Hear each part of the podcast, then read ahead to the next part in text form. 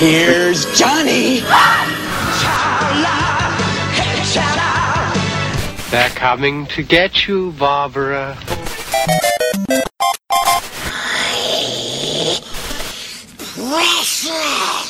Expecto Patronum!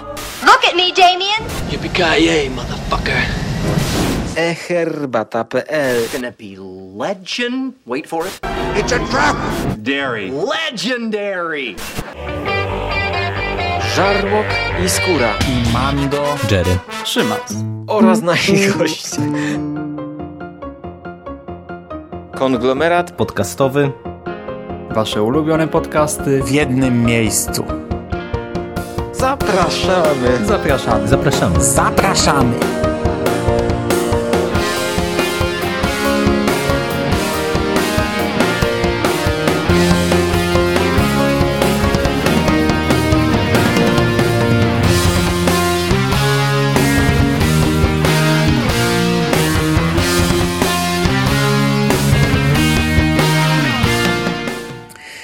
Witamy w konglomeracie podcastowym. Czyli na platformie zbierającej wszystkie wasze ulubione podcasty w jednym miejscu.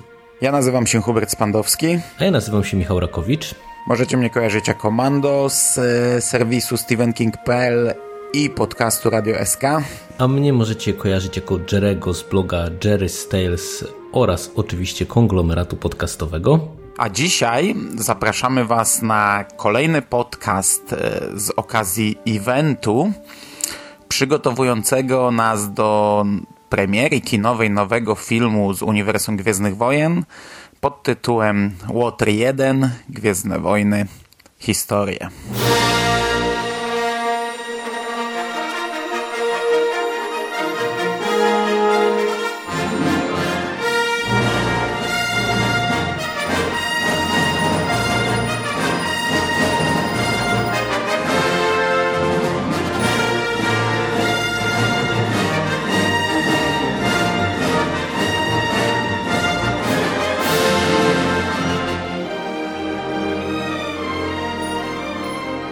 Witamy Was bardzo serdecznie, drodzy słuchacze, w podcaście kończącym kolejny tydzień naszego gwiezdnowojennego eventu, przynajmniej jeżeli chodzi o część stricte filmową. Spotykamy się bowiem dzisiaj, aby omówić zwieńczenie starej trylogii, czyli y, wypuszczony na ekrany kin w 1983 roku Powrót Jedi. Return for the climactic clash between the forces of good and evil. Return to a galaxy far, far away. Return of the Jedi.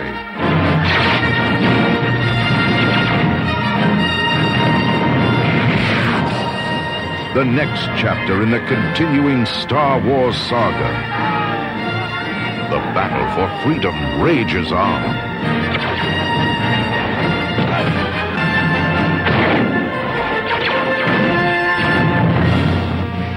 The heart of a hero.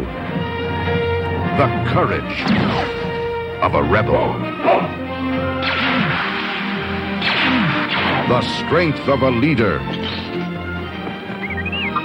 The loyalty of comrades. The power of the Force. The cunning of the enemy.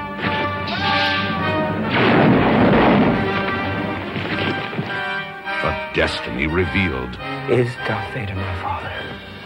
A legend fulfilled. An epic of heroes, villains, and aliens from a thousand worlds. It's a crap! The quest continues.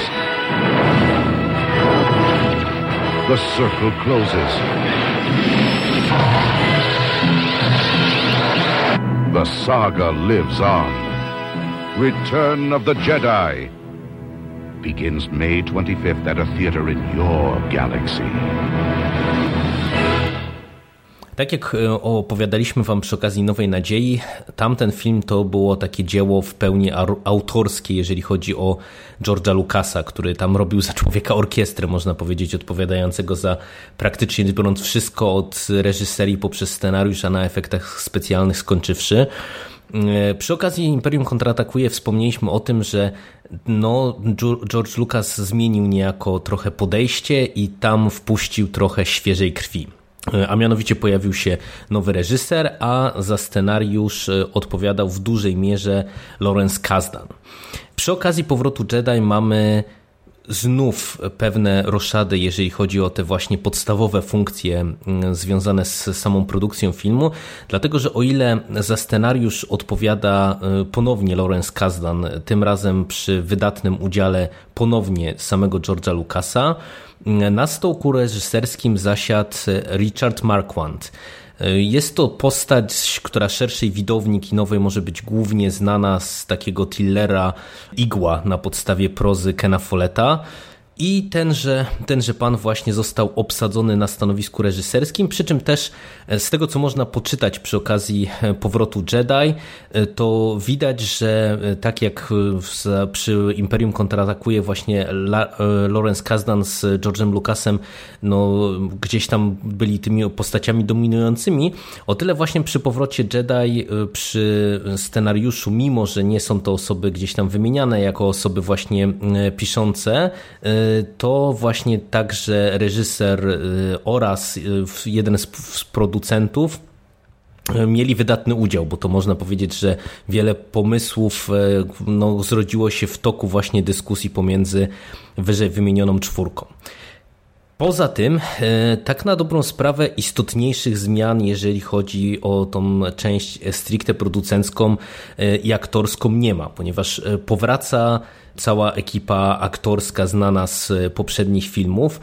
Przy czym y, ja się od razu przyznam do, do czegoś, co mnie dosyć mocno zaskoczyło, jeżeli chodzi o ten etap przygotowawczy do tego podcastu, a mianowicie y, okazało się, że pewnym zaskoczeniem dla wielu było to, że powrócił Harrison Ford.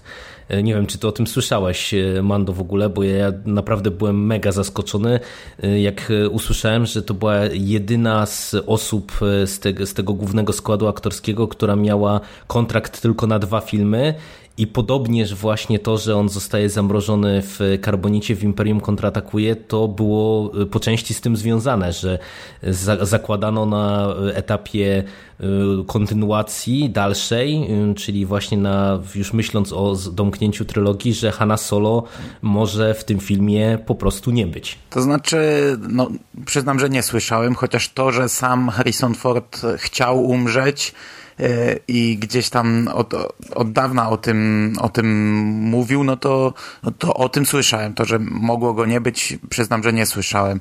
E, do pewnej anegdotki jeszcze powrócę na sam koniec związanej z tym, bo, bo w sumie ta śmierć e, ewentualna Harrisona Forda, znaczy Hanna Solo w starej trylogii była gdzieś tam wałkowana nieraz, między innymi chociażby też wyczytałem, że scena, gdy jest uwalniany z karbonitu pierwotnie miała wyglądać tak, że on pada na ziemię właśnie niby... Martwy. Znaczy, ostatecznie miał żyć, ale miało to wyglądać, mhm. że taki, taki miał, tak, miało to tak szokować widzów, że wypada martwy i dopiero później Leja podbiega i go tam krzyczy do niego i on się wybudza. No, ale nie wiedziałem, że miało go nie być.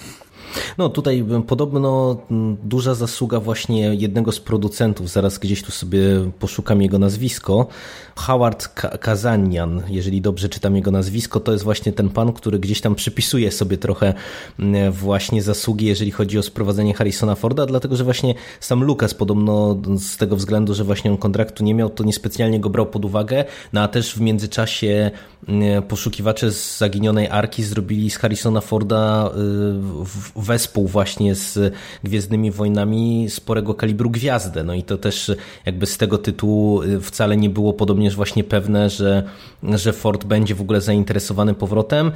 No ale tak jak wspominamy, ostatecznie się pojawił. Y, te pomysły, o których ty wspominasz, bo, bo, do tego też dotarłem i o tym też nie wiedziałem, to, to przyznam się szczerze, że to też mnie trochę zdziwiło, że to właśnie Ford jakby mm, miał, miał taką koncepcję na, na postać Hanna Solo w domknięciu trylogii, że ona no, ma się gdzieś rozstać z życiem. To nie zostało mm, zaakceptowane. No ogólnie, tak jak mówiliśmy przy Nowej Nadziei, że ten film przechodził liczne tam jakieś e, przemiany i mógł wyglądać różnie. Tak tutaj było dokładnie tak samo. Pierwotna wizja Lukasa gdzieś tam zakładała jakąś salę tronową imperatora całą w ogniu, planetę, e, stolicę, imperium i tak dalej, i tak dalej. Dużo tych pomysłów e, wybił troszeczkę z głowy scenarzysta Kazdan Lukasowi. Właśnie on zasugerował mu, żeby była jedna stacja kosmiczna, czyli Nowa Gwiazda Śmierci. On zasugerował kilka innych zmian, między innymi też, mm, znaczy to już nie, chyba nie jest zasługa Kazdana, ale pierwotnie ten film miał się nazywać Zemsta Jedi. Revenge of the Jedi. Coming next summer to a theater in your galaxy. I nawet została wypuszczona już jakaś tam seria plakatów, które teraz pewnie chodzą po jakieś astronomiczne kwoty. Jest y, w internecie do obejrzenia teaser filmu pod tytułem Zemsta Jedi, gdzieś tam w końcowej fazie ktoś uświadomił e, twórców, że zemsta to nie jest coś, czym zajmują się Jedi i to się tak nie może nazywać, no bo Jedi się nie mszczą.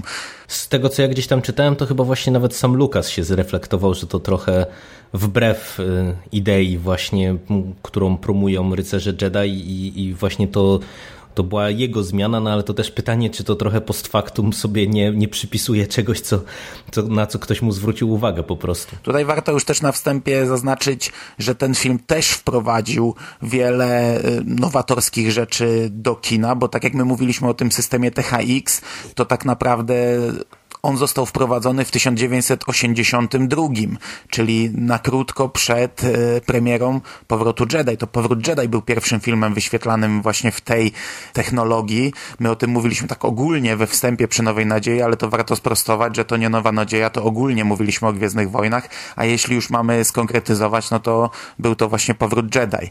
Do tego też wałkowaliśmy temat przy Nowej Nadziei Jabby, którego nie dało się wtedy zrobić. Lukas miał plan, żeby pojawić pojawiła się scena z Jabą, ale po prostu to przerosło jego y, ówczesne możliwości techniczne, przerosły jego wizję na ten film. No i Jabba pierwszy raz pojawia się właśnie oryginalnie w tym filmie.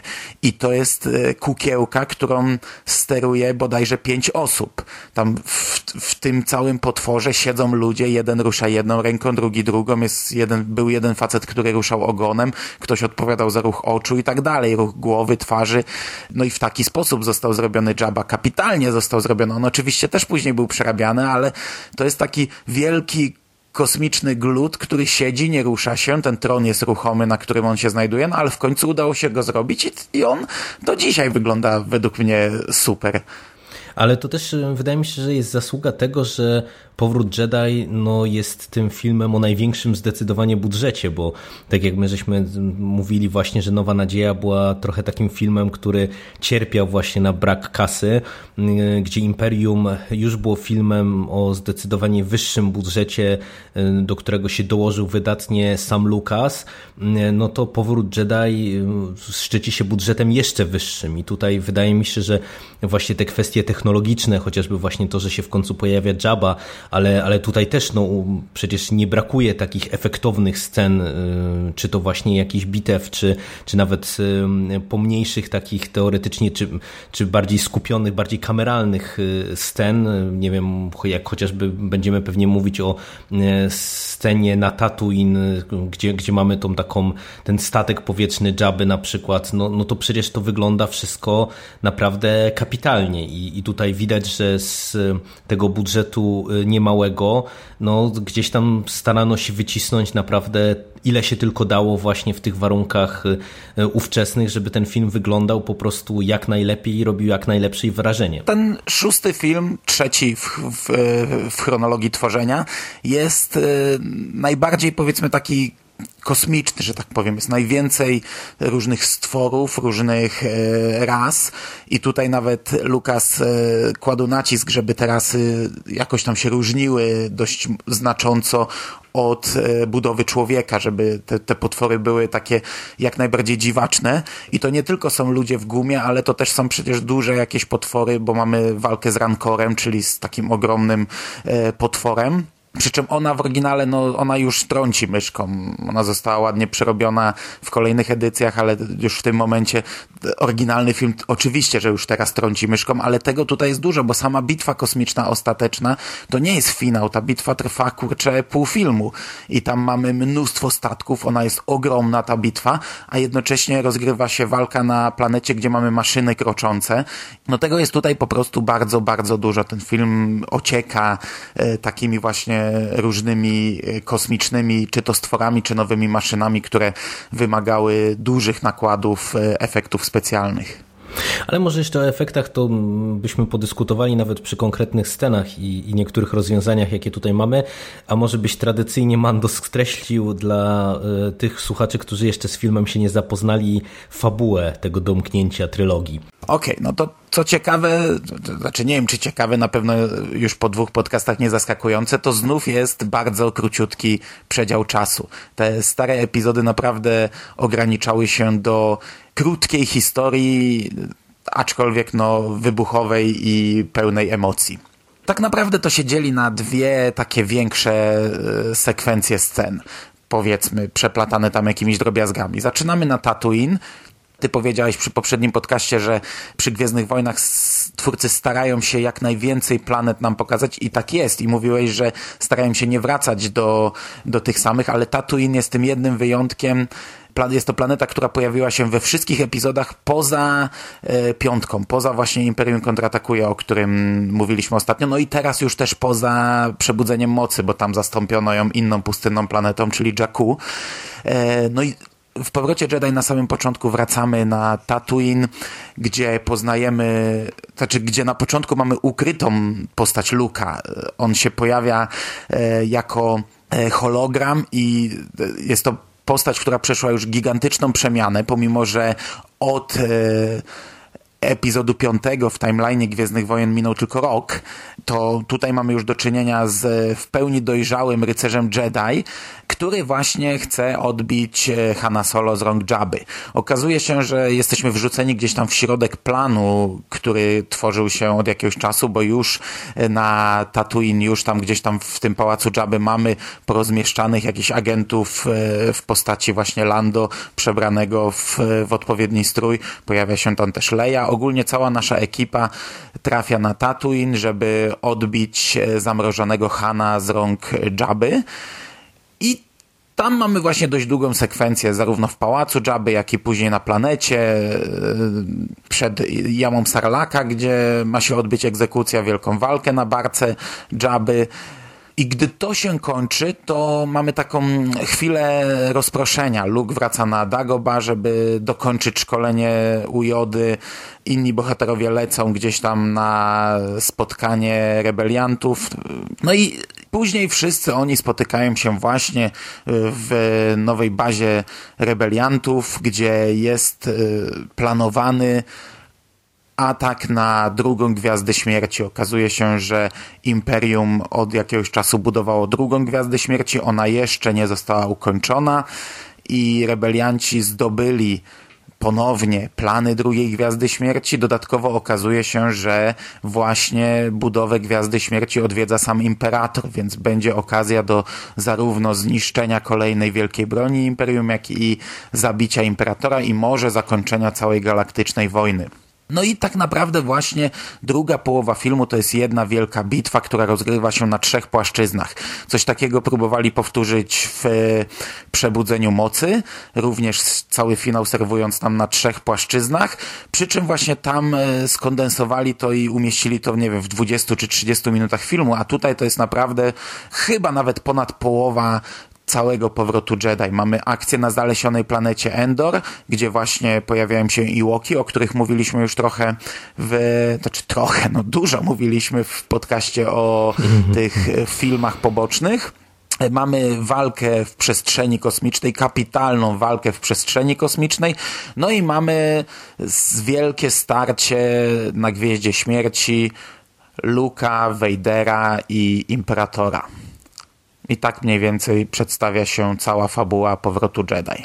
Ja bym chciał, żebyśmy dzisiaj trochę y, porozmawiali o tych rozwiązaniach fabularnych, które tutaj dostajemy, no bo wydaje mi się, że y, jest chyba trochę właśnie do pogadania, bo y, mamy oto otwarcie na Tatooine w pałacu Jabby.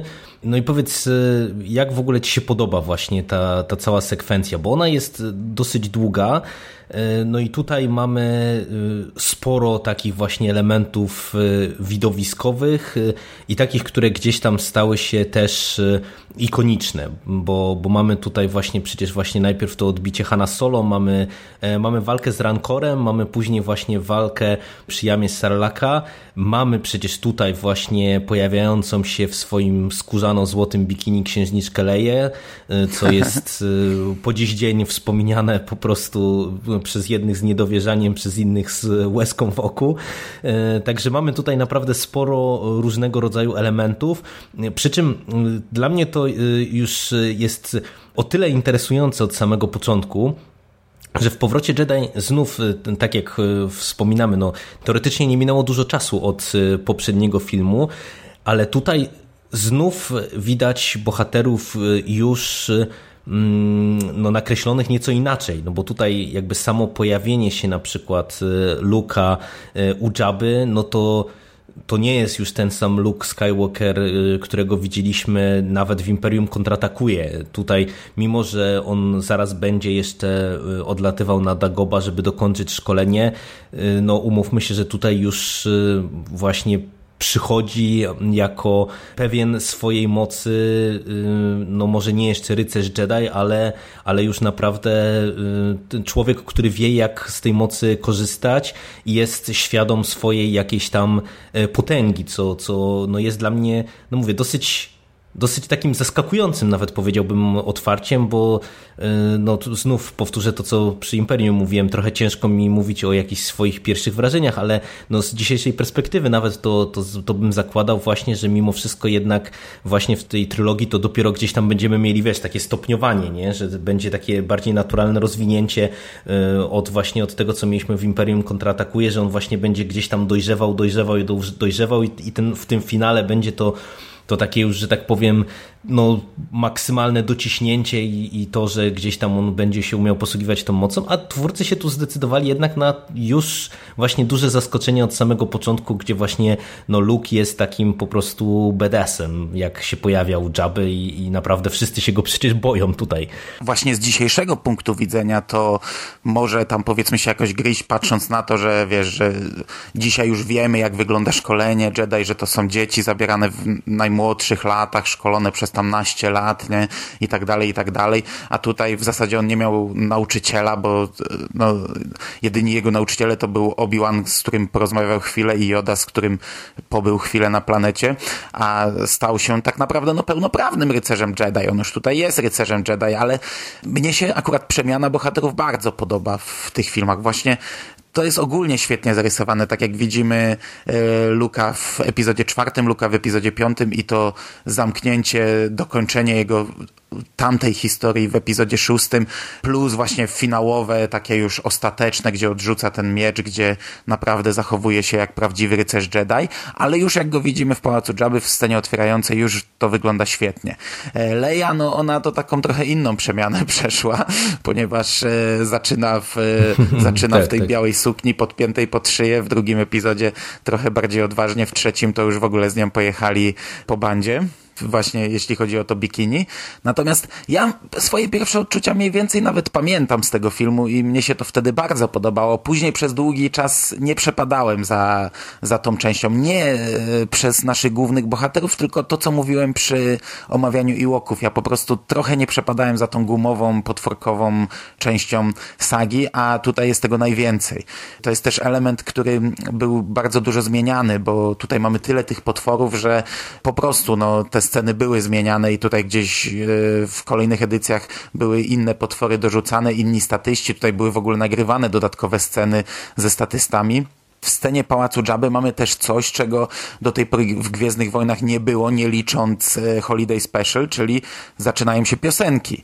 E, teoretycznie tak, tak. mieliśmy, no, Cantina Band grała w, znaczy nie teoretycznie, no praktycznie grali utwór gdzieś tam w tle, w kantynie w epizodzie czwartym, no ale to był utwór w tle, a tutaj mamy całą pełną piosenkę odśpiewaną przez e, te kosmiczne stworki i co ciekawe, ona też została zmieniona, bo w oryginale to była inna piosenka, nazywała się Lapinek i napisał ją syn Johna Williamsa, e, Joseph Williams, a w, w którejś tam edycji, chyba już, chyba już w edycji specjalnej, została zastąpiona e, piosenką Jedi Rocks, taką dużo bardziej żywą. No i wtedy już potworki zaczęły być zmieniane na komputerowe i to jest, jeszcze do zmian przejdę, bo jeszcze tutaj będę miał ogólnie kilka zmian, ale jeżeli akurat omawiamy konkretne sceny i gdzieś mi się to narzuca, to, to, to, to już o tym wspominam. E, I o dziwo, tak jak mówię, że mi się, kurczę, nie lubiłem tych gumowych e, Gwiezdnych Wojen przez długi okres, tak te komputerowe wyglądają tutaj źle. No, ta cała piosenkarka z dziwnymi ustami, ona się nazywa Size Snootles, no to po zrobieniu komputerowo ona wygląda źle, a ten już tego imienia to już tego nie pamiętam. Ten taki potworek, który gdzieś tam wchodzi solo i zaczyna śpiewać i jest taka scena, jak on rozdziawia gębę i mu takiej tak, tak. ślina leci. No nie, naprawdę nie znoszę tej sceny. To, to jest dla mnie trochę zepsucie powrotu Jedi. No, ale ogólnie, ogólnie w, po czasie mi przeszło to całe takie, że nie lubię kosmitów w Gwiezdnych Wojnach, a wręcz przeciwnie, zacząłem ich lubić i w tym momencie y, mi się to ogląda bardzo okej. Okay.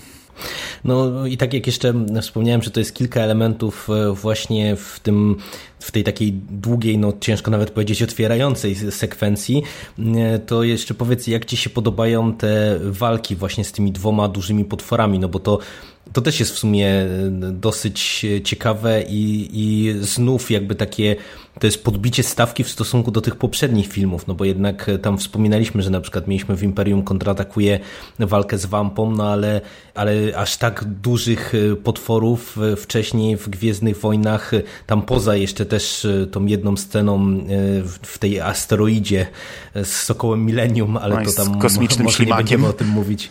Tak, z kosmicznym ślimakiem, to, to poza tym to w zasadzie e, nie mieliśmy specjalnie właśnie do czynienia z e, elementami fauny, jeżeli chodzi o Gwiezdne Wojny. No a tutaj pojawiają się dwa potwory, przy czym właśnie jeden z nich, czyli mam na myśli tutaj Sarlaka, przez e, wielu jest bardzo mocno kojarzony w ogóle z Duną, no bo, bo tam jednak mamy te właśnie te czerwie, które gdzieś tam na tej pustyni żyją, no i tutaj właśnie bardzo wielu kinomanom Sarlak się do, kojarzy dosyć jednoznacznie. No, mamy pustynną planetę i mamy właśnie znowu też takiego mm, jakiegoś potwora po prostu, który żeruje w tych piaskach, także mm, no, no, to, to budziło skojarzenia, ale ja od razu tak powiem, że mi się w sumie jedna i druga ta, ta walka podobają, bo najpierw jak mamy walkę jeszcze tam w Pałacu e, mi się na przykład e, podobało to, że jednak tam Luke musi się uciec y, trochę do fortelu, żeby, y, żeby pokonać potwora, a nie tylko na przykład samą mocą. My chyba przy okazji któregoś z komiksów o tym mówiliśmy, że to są takie niezłe patenty, że właśnie Luke y, nie ma takiej wszechpotężnej, e, że tak powiem, tej mocy, że, że nie jest w stanie po prostu zrobić czego by tylko chciał, tylko właśnie, że gdzieś tam jako ten niewytrenowany do końca Jedi e, no, musi nieraz się zdawać na takie bardziej konwencjonalne, że tak powiem, sposoby rozwiązywania kłopotów. E, no i później też jakby ta cała walka właśnie przy, przy Sarlaku na barce i tak dalej, to, to mi się też zawsze podobało, szczególnie, że na przykład też w kontekście, jeszcze jak tutaj rozmawialiśmy czy wspominaliśmy o y, Lei i o tym jej niesławnym bikini, które gdzieś tam przecież nawet się zaczęło mówić o tym, czy Disney zaczął wspominać, że dobrze było może na przykład skasować jakieś tam zabawki, czy cały ten merchandising z tym związany, e, ale właśnie na przykład patrząc z perspektywy, jak Leia bierze sprawę w swoje no, ręce no. Na, bar na barce i jak, że tak powiem, wychodzi z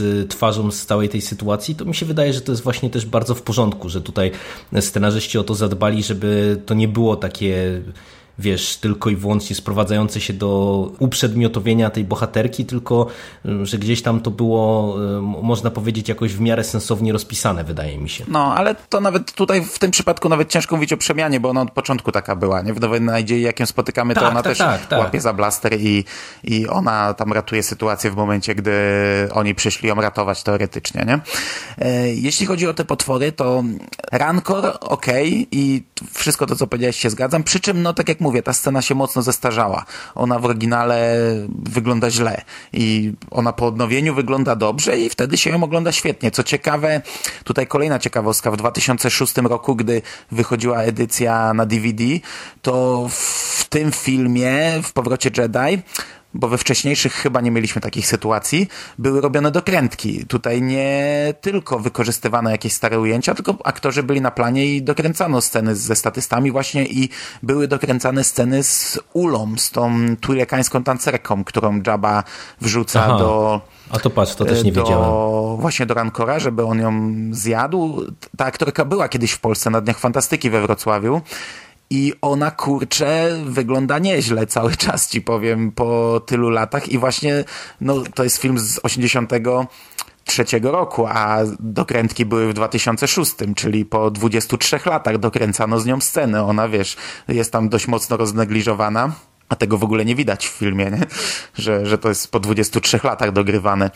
Natomiast... Yy, Sarlak, no kurczę, ja nie czytałem Duny, a filmy nawet jeśli widziałem, to widziałem tak dawno, że w ogóle no nie, może nie powinienem publicznie o tym mówić, ale mam zerowe pojęcie na temat Duny. Ja w sumie też, także to spokojnie. No nie spokojnie, to, to źle w takim razie o nas obu świadczy, a nie tylko o mnie. no także absolutnie mi się to z niczym nie kojarzyło, a sam Sarlak no, jest tak zrobiony, że tutaj to nic nie razi, nie? To jest po prostu dziura w ziemi, która jest tam dodatkiem do tej głównej walki, która jest takim dodatkowym niebezpieczeństwem. Wiadomo, że jak spadniesz, to ra raczej nie przeżyjesz, nie? Tam tylko się jednej osobie to udaje, bodajże w tej walce całej. Sam Sarlak został też fajnie dosyć podrasowany w Nowej Nadziei, tam takie macki, dodatkowe takie jęzory, taka gęba jak w krwiożerczej roślinie wychodzi z niego. No a cała walka to bardziej się rozgrywa właśnie na tych barkach i tych stateczkach. A mówię, Sarlak jest dodatkiem, to mi się okej, okay, całkowicie. Tutaj nic absolutnie się nie gryzie, to jest fajne. I tak, żeby zakończyć właśnie tę pierwszą część w omawiania filmu, to jeszcze o jedną rzecz muszę ciebie zapytać, przepraszam, bo to będzie mikrospoiler, ale mam nadzieję, że to nikomu nie popsuje odbioru powrotu Jedi w razie czego. Jak ty w ogóle znajdujesz scenę śmierci Boby Fetta? Bo to jest, wydaje mi się, jeden z tych elementów, które no, przy różnych okazjach są często krytykowane, że, że to jest tak w sumie proste, tak bym powiedział, że podług tego, jak, jaką, jakim kultem ta postać w tej chwili jest cały czas darzona, no to on w sumie ginie w taki dosyć sposób idiotyczny. To znaczy, kurczę, no bo tutaj mieszamy różne czasy wtedy, gdy się to oglądało w tamtych czasach, no to, to była po prostu jakaś postać. No on się tam pojawiał, oczywiście jakieś czasami zdjęcia w gazecie się widziało albo coś. Wiadomo było, to było charakterystyczne, no bo to była jakaś inna zbroja, nowa zbroja. Były figurki te polskie robione, te tandetne, nawet chyba miałem taką z wydaje mi się. No ale wtedy, no to po prostu, no jakaś postać i ginie, nie? A on później obrósł kultem, bo został ożywiony w rozszerzonym uniwersum. Tam był jakiś komiks, jak on wychodzi, opisujący to, jak on się wydostał z tego Sarlaka, no i żył, żył i żył bardzo długo. Tam jeszcze w ostatnich książkach, 40 parę lat po e, Nowej Nadziei on sobie żył, już miał wnuczkę bodajże, jeżeli dobrze pamiętam. No i tylko dlatego ta postać obrosła kultem, bo gdyby zostawić go tak jak na tyle, na ile był pokazany w filmach, to, no to po prostu był jakiś tam, jakimś tam mikrododatkiem. Tak mi się wydaje, że to po samych filmach nie obrosło kultem, no ale ciężko to teraz powiedzieć po tych 30-40 prawie latach. No a nowy kanon, jeśli już skasujemy sobie legendy, to cały czas jest niewiadoma czy to, czy on tam umarł, czy nie umarł. Na chwilę obecną nowy kanon nie porusza tego wątku. Nie wiadomo, czy Boba Fett przeżył to, czy nie przeżył. Tak naprawdę pożyjemy, zobaczymy. Na chwilę obecną historię Boba Fetta rozszerzają komiksy, te, mm, ta główna seria Marvela i tam dość mocno się kładzie nacisk na Bobę, więc ciekawe, no, czy, czy, czy potem się okaże, że żyje, czy po prostu ograniczą się do komiksów poprzedzających powrót Jedi i na tym zakończą. Ja tak naprawdę mam już przesyt tą postacią i na moje nic się nie stanie, jak go w nowym kanonie nie ożywią taką śmierć przyjmuje. No zobaczymy, jak to będzie wyglądało. No i, i, mamy właśnie to rozdzielenie, o którym wspominaliśmy i powrót przede wszystkim na, na Dagoba, który to wątek też podobno właśnie w pierwotnej wersji scenariusza był nieobecny, tylko gdzieś tam właśnie na etapie tych dyskusji, jak e, całą tę opowieść rozpisać, no to, to, to gdzieś tam się pojawił taki koncept, żeby właśnie jednak e, był ten powrót e, do, na szkolenie jeszcze, i no w mojej ocenie to, to jest kurczę dobry pomysł y, chyba na, na powrót Jedi właśnie, żeby tak to było rozpisane, bo to jest niby taka spokojniejsza scena, y, taki spokojniejszy element, ale on jest z jednej strony trochę wyciszający przed tą właśnie długą bitwą, ale z drugiej strony właśnie przez to, co tam dostajemy na Dagoba, y, jakie kwestie mamy też dopowiedziane i, i, i tak dalej, i tak dalej, no to, to to jest bardzo ładna sekwencja, wydaje mi się i ja się strasznie cieszę z obecnej perspektywy, że właśnie jednak się zdecydowano na, na, na takie rozegranie tego filmu. No tak, no bo po pierwsze jasno jest powiedziane, y, jak wyglądają relacje między głównymi bohaterami, już to tym razem jest jasno przedstawione, bo w poprzednim epizodzie to gdzieś tam tylko było rzucone mimochodem taka mm, zagadka bardziej. Po drugie, no druga postać, kurde, mi się teraz będziemy bawić w omijanie spoilerów. Druga postać... No, e, powiedzmy coś się z nią dzieje, to co się stało z Obi-Wanem w e, czwartym epizodzie, no i to nam już daje taką też taki obraz, jak kończą rycerze Jedi. Mhm. Dokładnie tak. No i, i później właśnie po tym takim e, spokojniejszym elemencie, no mamy właśnie e, całą długą sekwencję bitwy i to jest dla mnie też rzecz ciekawa, że Teoretycznie mamy znowu powtórkę, bo mamy znowu atak właśnie kolejny na Gwiazdę Śmierci. To też jest wielokrotnie w tej chwili obśmiewane, że Imperium w ogóle się nie uczy, tylko buduje te, te kolejne mega stacje y, niszczycielskie, które źle kończą.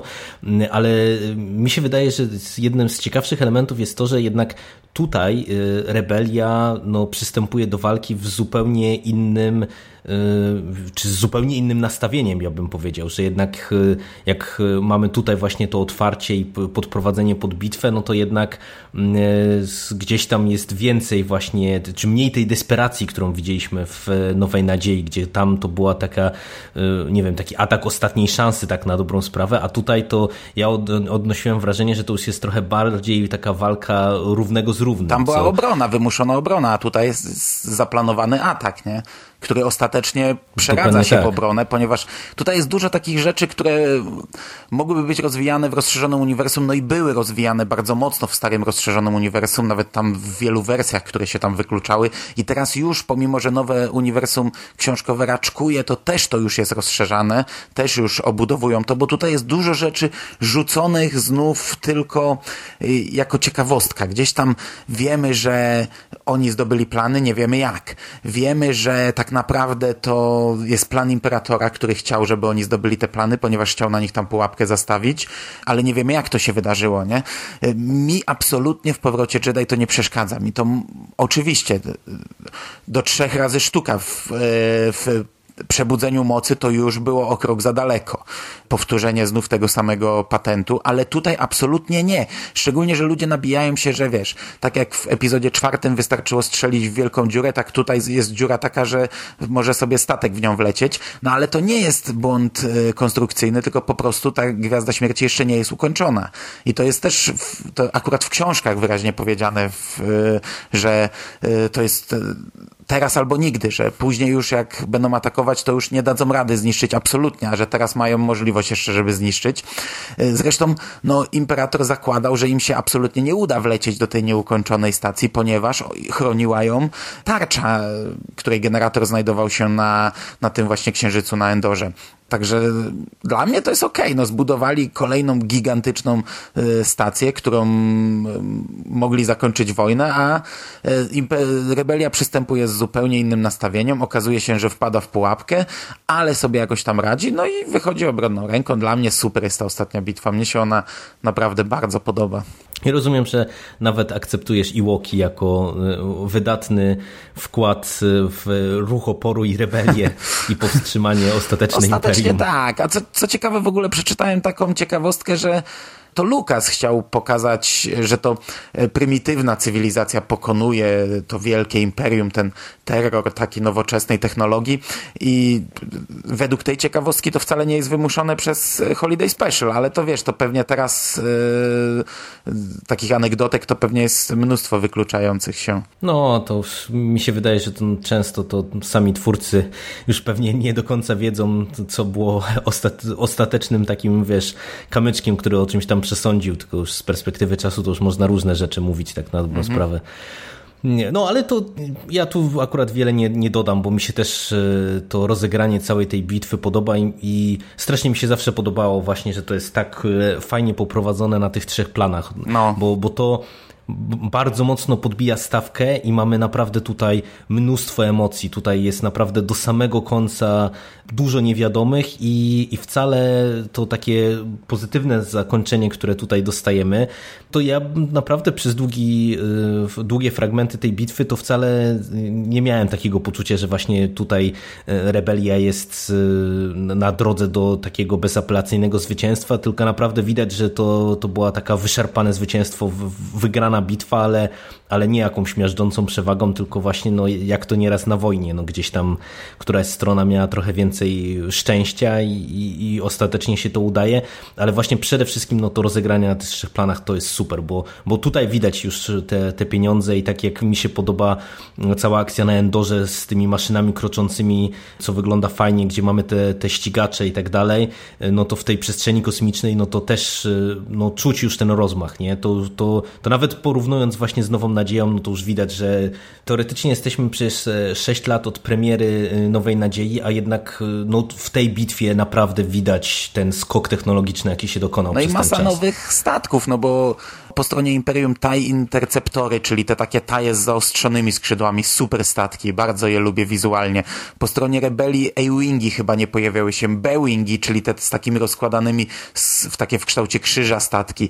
Na planecie Endor mamy te małe maszyny kroczące ATST, one już się pojawiły na HOT, tylko że one tam bardziej w tle e, chodziły. One nie brały takiego bardziej aktywnego gdzieś tam na pierwszym planie udziału w tej bitwie o HOT.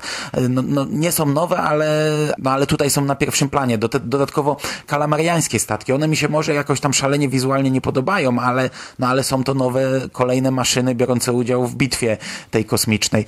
Dodatkowo jest ten prom e, e, Lambda, którym e, Luke i reszta udają się na Endor i później, którym Luke zabiera Vadera z Gwiazdy Śmierci. No, tego jest po prostu bardzo dużo. Cała ta bitwa to nie jest tylko tak jak w Nowej Nadziei, że lecą i na pałę lecimy, może się uda. Tutaj jest dużo rozwiązań jakichś taktycznych. Tutaj właśnie Imperator najpierw ukrywa, że Gwiazda Śmierci jest e, w pełni funkcjonalna. E, Mamy mnóstwo e, tych wielkich niszczycieli, które stoją i nie atakują, ponieważ Imperator i tutaj jego błąd potężny chciał tylko pokazać im potęgę, a chciał to rozegrać zupełnie inaczej. Rebelianci lecą w stronę właśnie tych statków i atakują je i tam się przenosi bitwa. Potem nagle Gwiazda Śmierci zaczyna, czy wcześniej Gwiazda Śmierci zaczyna strzelać. Oni w bardzo prosty sposób rozwalają ten wielki gwiezdny niszczyciel Darta Vadera. No tutaj się po prostu dzieje pff, tyle w samym, e, w samej przestrzeni kosmicznej. No, na planecie Endor drugie tyle. Te miśki to tam, no, no są sobie miśki, Boże drogi, a, a wyglądają fajnie, a wszystko, co się rozgrywa jest też fajne. Dodatkowo, co ciekawe, powrócono do tego dialogu, jeszcze raz go powtórzyli I love you, I know, tylko teraz o, odwrócone to było to jako taki trochę żart, e, żeby jeszcze raz nawiązać do tej sceny. Ale to, co według mnie chyba najlepsze w tym epizodzie, pomimo, że nie tak efektowne, no to walka na miecze, no i, i, i całe w Tak, ogóle tak, starcie, tak, tak. wielkie starcie, no my w tej starej trylogii tych walk na miecze nie mieliśmy dużo i one były bardzo statyczne. Tutaj jest ona trochę bardziej efektowna, te miecze w ogóle inaczej trzymają, bo to też co epizod to ktoś miał inną wizję na to. Wiesz, w nowych epizodach to oni wywijają nimi, wiesz, nad głową, za plecami, pod tyłkiem, nie? Przeskakują.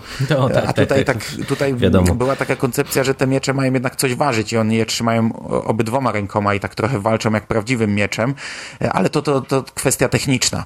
No ale mamy prawdziwą walkę na miecze w końcu, bo w starej trylogii do tej pory te dwie walki, które były w obu wcześniejszych epizodach były no słabsze, takie tylko, takie tylko taki zalążek. A tu mamy walkę i do tego właśnie masę takich punktów kulminacyjnych e, historii danych bohaterów. To, co robi Luke, e, to jest dla mnie kwintesencja po prostu tego, kim powinien być rycerz Jedi. Później, jak gdzieś tam w książkach próbowano mi pokazać, że inny bohater postąpił tak samo, który gdzieś tam z Vaderem wcześniej się spotkał, to ja zawsze byłem na to zły i zawsze to negowałem, bo to jest zostawione dla Luka, to, że on, on się zachowuje na koniec tak, jak się zachować powinien. No i to też jakoś tam wywołuje w Vaderze jego reakcję i jego przemianę. I to jest po prostu dla mnie kapitalna sekwencja scen. Też mamy taki, taki balans trochę Luka na pomimo tego, że on już jest teoretycznie tym, jest już tym wygranym, jest już tym rycerzem Jedi, jest chwila, nawet tam kilka chwil, że on balansuje na granicy tej ciemnej strony, gdy znów pierwszy włącza miecz i znów pierwszy atakuje, czego teoretycznie nie powinien zrobić, a jednak atakuje, żeby zabić Imperatora. A potem, gdy Vader odkrywa jego myśli i dowiaduje się o czymś, no i Luke tam ma taki moment, że wpada w furię. Ale to ja się w pełni zgadzam, że to jest sekwencja, która jest świetna, ale mi się ona też strasznie podoba tak pod kątem jej rozplanowania i pod kątem takim wizualnym, gdzie wiesz, mamy tutaj na pierwszym planie y, mamy tą walkę na miecze, a w tle mamy całą tą walkę też pokazaną właśnie kosmiczną. To na mnie to szalenie duże wrażenie zawsze robiło, że, że gdzieś tam oni po, potrafili połączyć też właśnie mm, te plany co, to, co się dzieje na, na Gwieździe Śmierci i, i, to, co się dzieje właśnie w przestrzeni kosmicznej. To jest super rzecz, także mhm. no, no ja jestem jak najbardziej na, na tak i no i samo zakończenie.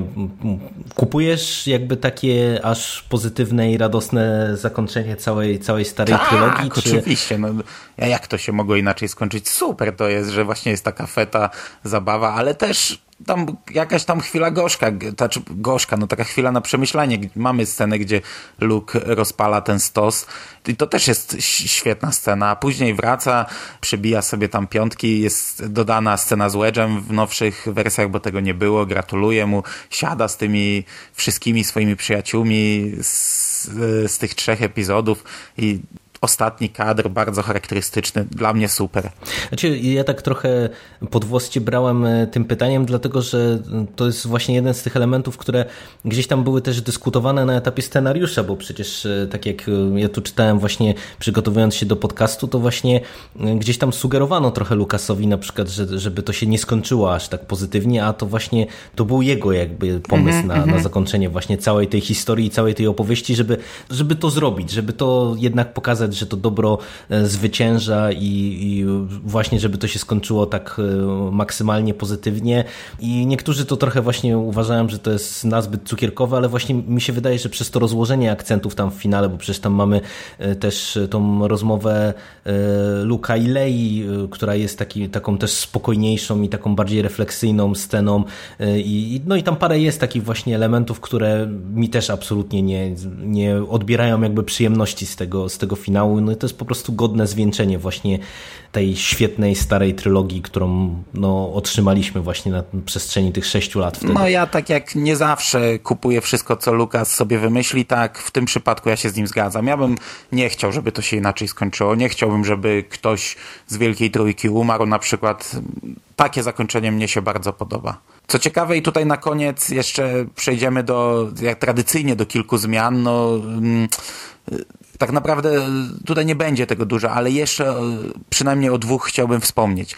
Już powiedziałem, że została wymieniona piosenka na Jedi Rocks w Pałacu Jabby i to samo się stało z, właśnie z ostatnią sceną, skoro o niej mówimy. Bo pierwotnie tam była piosenka Iłoków e, Japnap, czyli piosenka, którą ja dodałem na sam koniec naszego podcastu o tych dwóch filmach e, o Iłokach. Natomiast w późniejszych wersjach została zastąpiona. To już nie jest piosenka śpiewana przez Iwoki, tylko to jest taka melodia Victory Celebration która tam oczywiście bardzo dobrze pasuje i to, na moje to nie jest zła zmiana. E, I ja nawet kupuję, bo e, ta ostatnia scena została, była rozszerzana. Pierwotnie to naprawdę było tylko feta na Endorze, a w kolejnych edycjach chcieli trochę pokazać na sam koniec ogrom tego świata, ponieważ już mieliśmy prequele i żeby to bardziej pasowało do siebie i dodano tam różne planety. I mamy, mamy Bespin i imprezę właśnie w mieście w chmurach, mamy imprezę w Mos Eisley na Tatooine, mamy Naboo i jest e, Coruscant i widać świątynię Jedi w tle. Tego w oryginale nie było, nie? To są sceny dodane. Niektórzy się na to wkurzają strasznie, bo to wiesz, im się kojarzy bardzo z nową trylogią, ale dla mnie to jest okej. Okay. Akurat ta zmiana za chwilę jeszcze przejdę do zmiany, która już mi się absolutnie nie podoba. E, natomiast e, jeszcze powrócę do na sekundę na Gwiazdę Śmierci drobiazg, po prostu mały drobiazg, ale moment, gdy Vader podejmuje decyzję, by zrobić to, co ma zrobić. E, w oryginale odbywał się w ciszy. Vader po prostu stał, patrzał i, i podjął tę decyzję, a w e, ostatecznej wersji, na, wers na Blu-rayu, czyli w tej najnowszej edycji, dołożono jego krzyk, dołożono jego krzyk no, czyli ten może nie aż tak e, teatralny i tak podniosły, jaki się pojawia pod koniec Zemsty Sithów, ale mamy tutaj no mhm. i wtedy on łapie imperatora i wiadomo, co się dzieje. I to jest dla mhm. mnie też absolutnie nieakceptowalne. To jest po prostu coś, co mnie tak wkurza. Ja nie mam e, złotego środka, bo ja mam rzeczy, które mi się nie podobają w tych oryginalnych wersjach, bo już się zestarzały i chętnie bym oglądał te nowe, ale jest kilka rzeczy, które mnie tak wkurza, że aż mi się źle robi, jak oglądam te nowe. No i właśnie ostatnią z tych rzeczy jest zupełnie ostatnia scena, świetna scena z oryginału. No, tu się akurat ja w pełni, w pełni zgadzam z tobą. I tutaj jeszcze zatrzymam się na tej oryginalnej scenie, ponieważ Wejdera bez maski w oryginale zagrał sobie Sebastian Shaw trzeci aktor, teoretycznie trzeci aktor, który grał Vadera w oryginalnej trylogii, bo jednak w oryginalnych filmach trzymano się tego, że nawet jak aktor nie pokazuje twarzy, to gra go ciągle ta sama osoba i to naprawdę, to, to było, nawet jeśli ten aktor, ta postać występowała gdzieś tam e, w mikroscenie, w, na przykład w dwóch epizodach, to grał ją ten sam aktor. Myślę, że to mogło być związane właśnie już z rynkiem, e, z tym, że ci aktorzy potem będą mieli prawa do postaci, będą sprzedawać autografy i tak dalej. Ciekawi mnie w sumie, kto sprzedaje autografy Jabby czy wszystkich pięciu kolesi ma, czy ten, co ogonem sterował, też ma prawo do postaci. No ale, ale zmierzam do tego, że później to już się zmieniało. Na przykład w nowych epizodach już się zmienia w prequelach. Już niektóre postacie są grane przez dwóch aktorów. Natomiast teraz już w tych nowych filmach to się zmienia całkowicie. Już na przykład Czubakę w Przebudzeniu Mocy grało dwóch aktorów, chociaż to jest e, spowodowane tym, że Peter Mayhew już w zasadzie chodzić ledwo może, więc on grał tylko w scenach siedzących. E, na przykład w Łotrze 1 Vadera będzie grało dwóch aktorów e, w zbroi, plus głos Jamesa Earla Jonesa, czyli w sumie trzech aktorów. Natomiast w starej trylogii Vadera grało trzech aktorów. David Prowse, czyli to co mówiliśmy, jeden z przedstawicieli Hammer Horror, biegał w zbroi przez wszystkie trzy trzy epizody. Głosu udzielał y, James Earl Jones. Natomiast w ostatnich scenach właśnie występuje Sebastian Shaw w momencie zdjęcia maski i pokazania go jako ducha. Ale tutaj jeszcze, zanim przejdę do tej cholernej zmiany, o której y, za chwilę powiem, mała ciekawostka, nie powiedziałem o tym przy Imperium Kontratakuje. Tam wykorzystano w edycjach późniejszych, w 2000 czwartym roku, a ja cały czas mówiłem szóstym, ty, to w 2004 było DVD, kurde, ile błędów, a nikt mnie nie poprawił. Wykorzystano scenę z powrotu Jedi. Na samym końcu jest dodana scena, gdy Vader e, przylatuje i schodzi tam, wychodzi na mostek i to jest z powrotu Jedi i tam są postacie, które, jest, jest jeden mow, który na drugiej Gwieździe Śmierci był, to takie trochę niepasujące, ale co Aha, ciekawe też okay. dograno scenę, z Vaderem w Imperium w tych nowych wersjach, której nie było i tam wystąpił dodatkowy aktor. To, to był czwarty aktor, który grał Vadera w starej trylogii. C. Andrew Nelson e, w jednej scenie z Vaderem wystąpił, gdy właśnie on, jest scena dograna, gdy on wraca, kurczę, tym promem właśnie Lambda e, wraca na Gwiezdny Niszczyciel, czyli on się pojawiał w w starych epizodach, ale chyba tylko właśnie w tych nowych wersjach. Dokrętka no, po prostu. E, a zmierzam do tego, że było właśnie, no powiedzmy, czterech aktorów, którzy grali Vadera, licząc tego nawet C. Andrew Nelsona, który został dokręcony w 2004 roku. Natomiast w ostatniej scenie podmieniono głowę ducha, którego grał Sebastian Shaw. Podmieniono go głową młodego Anakina z prequeli, czyli e, Haydena Christiansena i to jest zmiana absolutnie nieakceptowalna Wszystko jestem w stanie No, zaakceptować, ale tu- nie to tu- cholerstwo. Ja tu nie mam nic do dodania. Nie to cholerstwo. To wygląda tak źle i tak jak staram się nigdy nie hejcić, tak to absolutnie hejcę. Można na wiele sposobów e, dopasowywać stare filmy do tych nowych, chociaż dla wielu to jest zbrodnia, to jest gwałt na tych filmach. Jest wielu widzów, dla których to jest gwałt. Dla mnie to nie jest. Jeśli na przykład no, w Pałacu Dżaby został dodany e, w ostatniej edycji, e, gdzieś tam siedzi sobie na schodach ten potworek, i jak on się nazywał? Mm, Jezus Maria Syndula, e, ten co się ścigał z młodym Anakinem e, w wyścigu podracerów e, w Mrocznym Widmie. Ten, Tak, co tak, chodził na rękach, a sterował nogami.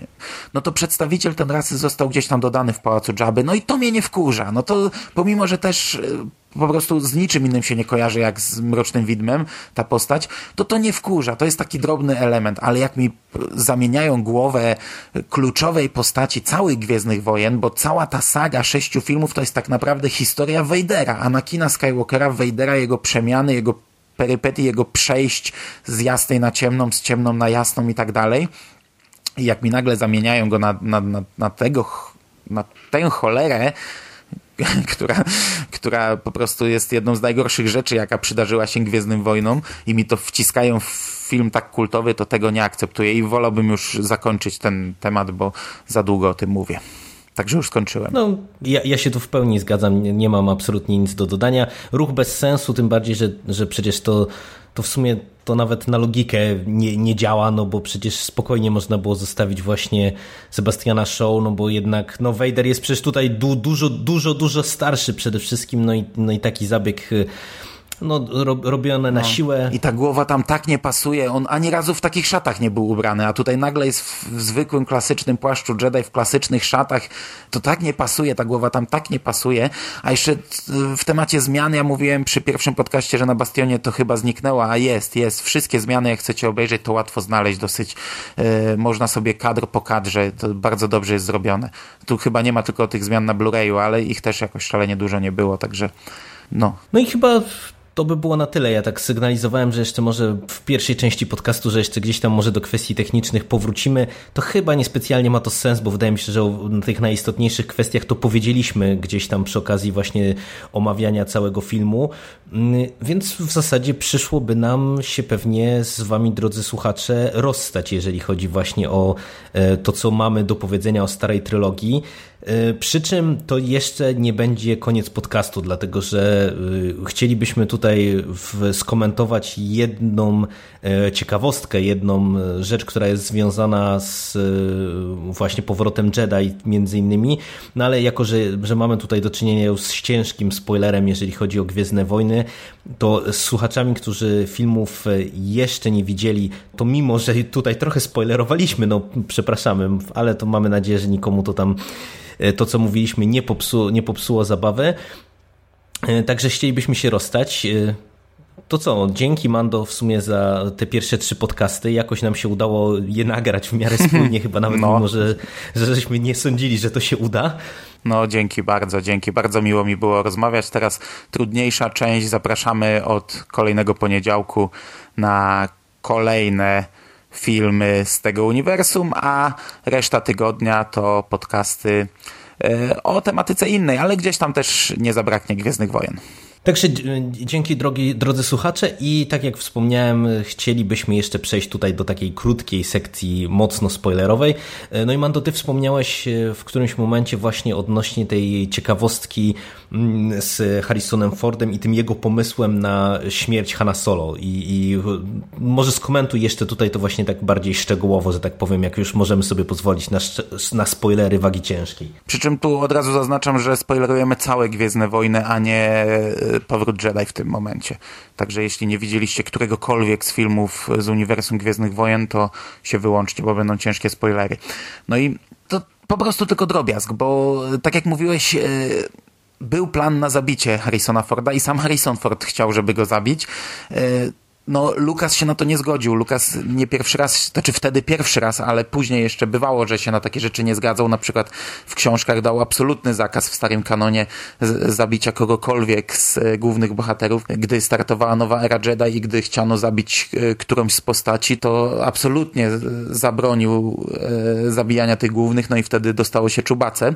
Natomiast ja zmierzam do tego, że to Lorenz Kazdan bardzo naciskał na to, żeby któraś z postaci, z tych głównych postaci nie przeżyła. I to w zasadzie tylko taka ciekawostka, no bo wtedy mu się tego nie udało przepchnąć, natomiast e, rok temu, e, a przypominam, że Kazdan był przecież scenarzystą Przebudzenia Mocy, gdy Gwiezdne Wojny uwolniły się jakoś tam, nie wiem czy to dobre słowo, z rąk George'a Lucasa, no to tak jakby pociągnięto ten wątek, powrócono do niego. Coś, co chciano zrobić e, w 83 roku, czyli te 33 lata temu, no to powrócono do tego właśnie po ponad 30 latach i tak jakby Kazdan postawił kropkę nad i. Kazdan i Harrison Ford tak jakby w końcu klepnęli to, co sobie wymyślili te właśnie ponad trzy dekady temu. Ale ogólnie, tak jak mówiłem, mnie bardzo cieszy, że nie udało się nikomu przepchnąć tej decyzji 30 lat temu, bo nie- wyobrażam sobie na chwilę obecną starej trylogii, w której ktoś ginie z głównych e, bohaterów. Nie, no ja absolutnie się tutaj zgadzam. To moim zdaniem to był dobry ruch i, i te filmy w takim kształcie, w jakim je otrzymaliśmy od strony właśnie tych głównych rozwiązań fabularnych, one się jak najbardziej bronią i to jest jak najbardziej okej. Dobrze się stało, jak się stało. Okej, no to jeszcze raz dziękuję Ci bardzo za rozmowę. Tylko do tego chciałem nawiązać. Tak, dzięki. Ogólnie planowałem na koniec Tak. właśnie o tym dużo pogadać, ale że to w trakcie podcastu wypływało i wypływało cały czas, to gdzieś tam omijałem temat, ale tak naprawdę większość powiedzieliśmy w trakcie podcastu, nie? Dobra, to to, to by było na tyle. To dzięki w tym układzie. Dzięki no, hej. również i do usłyszenia. Cześć.